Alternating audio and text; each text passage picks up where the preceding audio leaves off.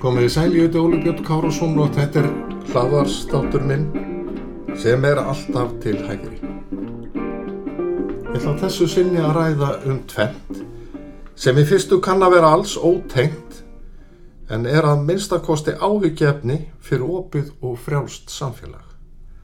Annars vegar nokkuð það sem ég kalla félagslegan þrýsting á að hafa rétta skoðun og hins vegar þá staðreind að skilin milli frett og afþreyinga eru hægt og bítandi að hverfa og það í sjálfu sér ógnar því nöðsynlega aðhaldi sem fjölmiðlar verða beita helstu stofnunum samfélagsins til að þau geti talist frjáls og opinn. Frjáls samfélug tryggja með lögum og stjórnarskrá rétt hvers og eins borgara til að láta skoðanir sínar í ljós og rökraða við þá sem eru ósámála án þess að eiga þá að hættu að sæta refsingu. Þjóðfjölug, þar sem fólki er refsað fyrir rángarskoðanir, eru ófrjáls undir hæl einræðis eða allræðis. En jáfnvel í frjálsum samfélögum getur myndast jarðvegur óþóls fyrir ólíkum skoðunum. Tilverðu menning þar sem refsing fyrir ránga skoðun er útskúfun og atvinnumissir. Grafið er undan málfrelsi, rökræðum og andofi. Borgarinn verður undir ósýnilegu valdi oki og hann veigra sér við að taka til máls og segja hugsin.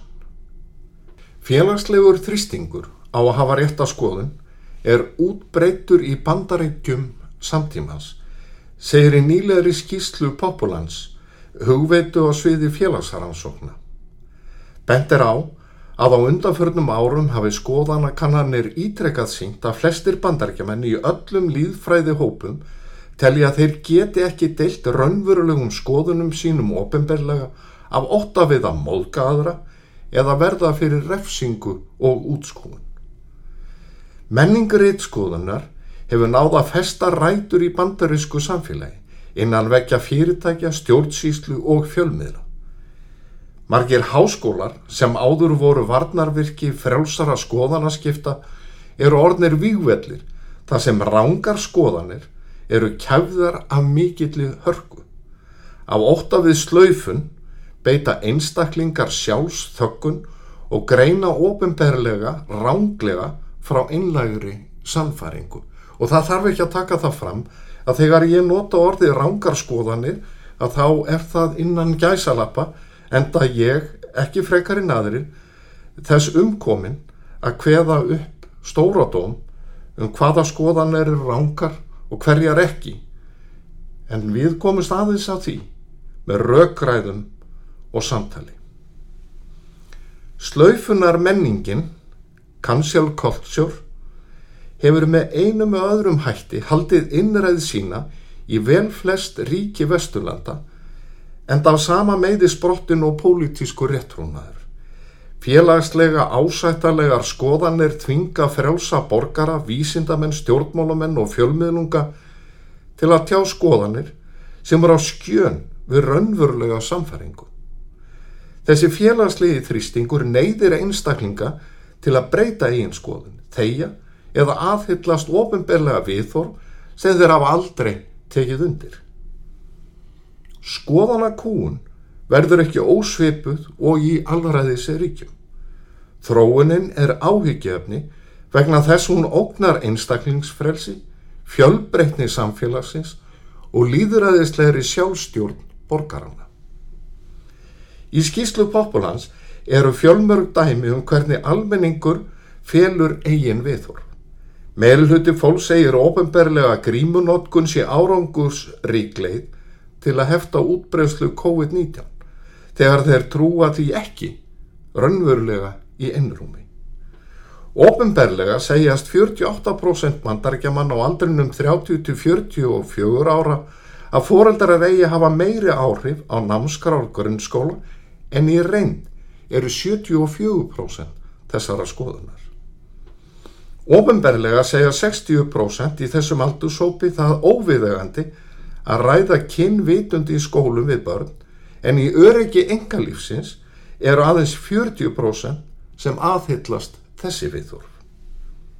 Ópenberlega vilja um 44% demokrata að fórstjórar fyrirtækja taki afstöðu til umdeldra mála en aðeins 11% vilja það raunverulega og um 64% republikana voru ofinberlega hlindir því að hæstiréttu nekti dómi frá 1973 Roe vs. Wade um rétt kvenna til þungunaráfs. En innra með sér var aðeins 51% sammála nýlugum dómi hæstaréttar.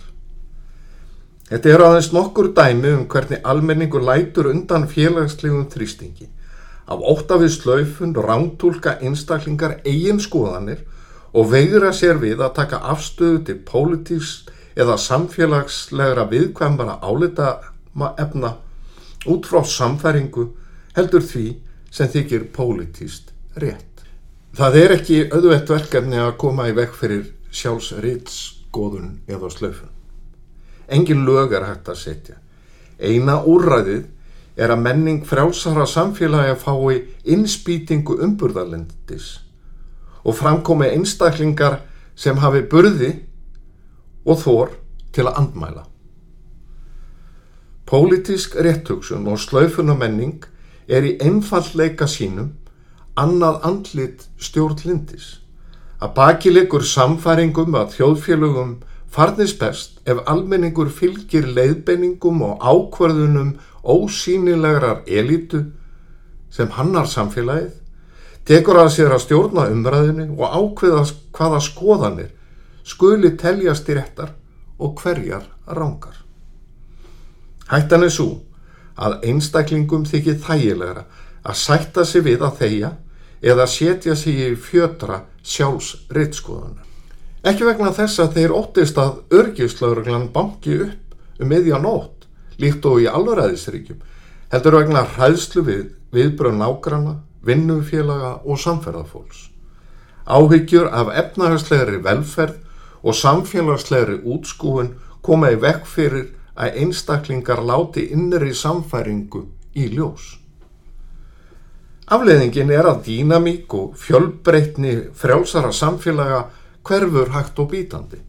Frjálskoðanaskipti og rökaræður eru drivkraftur mannshugans og forsenda fyrir framþróun í vísendum og tækni. Pólitíska réttugsun og slaufunamenning vinna þannig gegn bættum lífskjörum allara. Og öðru þó þessu að einhverju leiti tengt.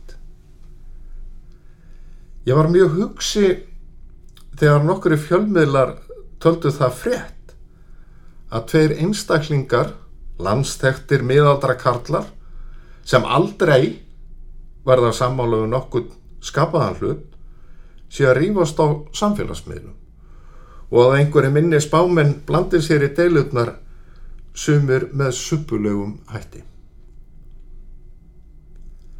Það er auðvitað ekki fréttnæmt að þektur hægri maður og leiðtói íslenskara sósialista deili harkalega. En það geta margir haft nokkra skemmtun af þessum skilmingum því báðir eru ágætlega réttfærir og oft orð hefnir. Annar beitir húmórnum betur en flestir aðrir en hinn er ódreipandi í að bóða hugmyndafræði sem saga og reynsla 20 miljóna hafa ekki farið vel með svo ekki sé tekið dýbra í árinni. En það er frett að skemmtir séu unnar á húsnæðistjórnmál og floss og það er alvarleg frett ef haftur í hótunum við einstakling vegna stjórnmála skoðana. Það skiptir engu hversu fráleitar okkur þykja skoðan er viðkomandi. Við eigum öll hvert og eitt og sameigilega að hafa burði til að fordama hótanir um ofbeldi. Nútukast tökja karla er ekki frétt frekar en að nokkari gerfi limir ungara stúlku sem er þekkt kynlífstjárna hafi bráðnað. Það er hins vegar raunveruleg fyrir þetta rekstur kynlífstakjaveislunar, gangi vel og að veldan hafi aukist verulega á liðinu ári. En þetta eru tvö dæmi um fréttamatt íslenskara miðla. Alveg óhá því hvað fólki finnst um vikuna með Gísla Martini þá lýsir það einstakri fréttafátakt að slá því upp að einhver önugur spyrja á Twitter er þetta helvíti að byrja aftur. Það lítið frétti því að Gísli Martin snúi aftur á skjáin þegar höstar. En það hefði verið fréttnæm ef ríkisútvarpið hefði ákveðið að taka þætti sjónvarsmannsins af dasgrá. Og hvernig má það vera að fjölmiðil teljið það frétt og sláið því upp að myndlistamæður drulli yfir, eins og sagði í fyrirsögn, drulli yfir nýjustu mynd Baltasars Kormáks í fæslu á Facebook. Frásögn af því að ung stjórnmálakonna sem er að taka sín fyrstu skref í pólitik hafi frumsynt nýja kærastan er forvitnileg vegna að hún svalar áhuga okkar á samferðarfólki, ekki síst því sem mest er ábyrrandi. En það er frálegt að gera engan greinamun á slíkri frásögn og frettum á stríðsáttökum, stýrivasta hækkunum eða umdeldum stjórnvals ákvarðinum. Palladómur Þingmanns sem sjálfur þólir illagaggrinni um að fósetti alþingi sé ákvarðana fælnasti maður sem að vitu um er ekki frétt, heldur aðeins sleggjudómur. Skoðun það sem rugglað er saman yfirvegun við ákvarðanatöku og fljótfærni þess sem alltaf er snöggur og alltaf er reyðubúinn að saka aðra um ófagleg vinnubröð. Það er því miður orðið of algengt að stórihyrði og palladómar sem látnir eru falla á samfélagsmiðlum ratin á frettasíðu netmiðla líkt og um alvöru frett sé að ræða. Það er verra en kranablaðamennska þar sem frumkvæði kemur þó frá blaðamanninum sem kalla fram skoðun áhrifafólks á ákveðnum máli í stað þess að býða eftir engir skrifi á samfélagsmiðla og þá helst með stóriðun. Kranablaðamennska var eitur í beinum áhrifamestu blaða og fréttamanna síðust áratuga. Áhrif þeirra og leiðsögn verðist glemt og grafin. Þeir hefðu bent fjölmiðlungum samtímans á að afréttun og líming, copy-paste, af Facebook og Twitter ætti litla samleið með blaðamennsku. En vissulega kunni frétt að liggja undir steini sé honum veld við og kannad af hverju viðkomandi skrifar eða talar með þeim hætti sem hann gerir og leita þeir skýringa og álits annara. Og ekki er ólíklegt að gömlu lærifeðurnir hefðu reynt að beina aðtegli bladamanna að því að segja frá og grafast fyrir um gang sakamáls sem er til rannsóknar vegna myndarar byrlunar.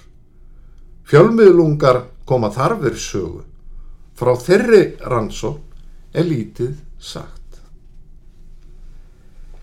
Skilimilli frétta afþreyingar, hreitnar skemmtunar og auglýsinga eru því miður hægt og bítandi að þurkast út. Fréttunum hvar, hvenar, hverjur og hvers vegna verða hægt og bítandi aukahatrið og skemmtanagildið tekur völdin. Þessi þróun er ekki bundin við Ísland. Netvæðing frétta hefur gert skilin sem prent og ljósvakamiðlar gera á milli frétta, afþreyingur og skemmtiefnis óljósari en áður. Auðvitað er ekkert að því að fjölmiðlar segja frá hennu fyrðulega og skemmtilega, frá samtíma fólki sem stendur á tímamótum og öðru sem fangar aðtegli almennings. Eitt af hlutverkum fjölmiðla er að vera vettfangur afþreyingar og skemmtunar. En þegar að samfélagsmiðlar eru orðnir mikilvæg uppspretta fjölmiðla sem vilja leggja áherslu á frettur og frettaskýringar er hættan svo að þeir festist í bergmálshelli með hávarum einstaklingum sem hafa ununa því að fella sleggjudóma yfir fólki og málefnum svo draumurinn um að komast í frettir rætist.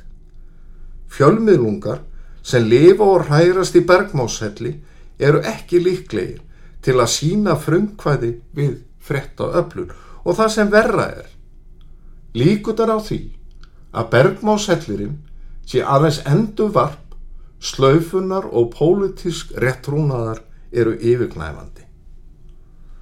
Um það er ekki deilt að fjölmiðlar gegna líkil hlutverki frjálsum samfélugum. Forsenda fyrir skinsalegum ákvörðunum er að fyrir líki réttar upplýsingar, staðreindir um samtíman sem settar eru í nöðsynlegt samengi fyrirtæki, einstaklingar, heimili, stjórnvöld og aðila vinnumarkaðarins byggja litlar og stórar ákvarðanir á frettum. Gaggrinni, opin umræða, upplýsingafrelsi, frjáls fjölmiðlun og valfrelsi borgarinna er eina trygging þess að allar helstu stopnarnir samfélagsins búi við nöðsynlegt aðhald. Ríkisrekin fjölmiðlun grefur undan þessari tryggingu.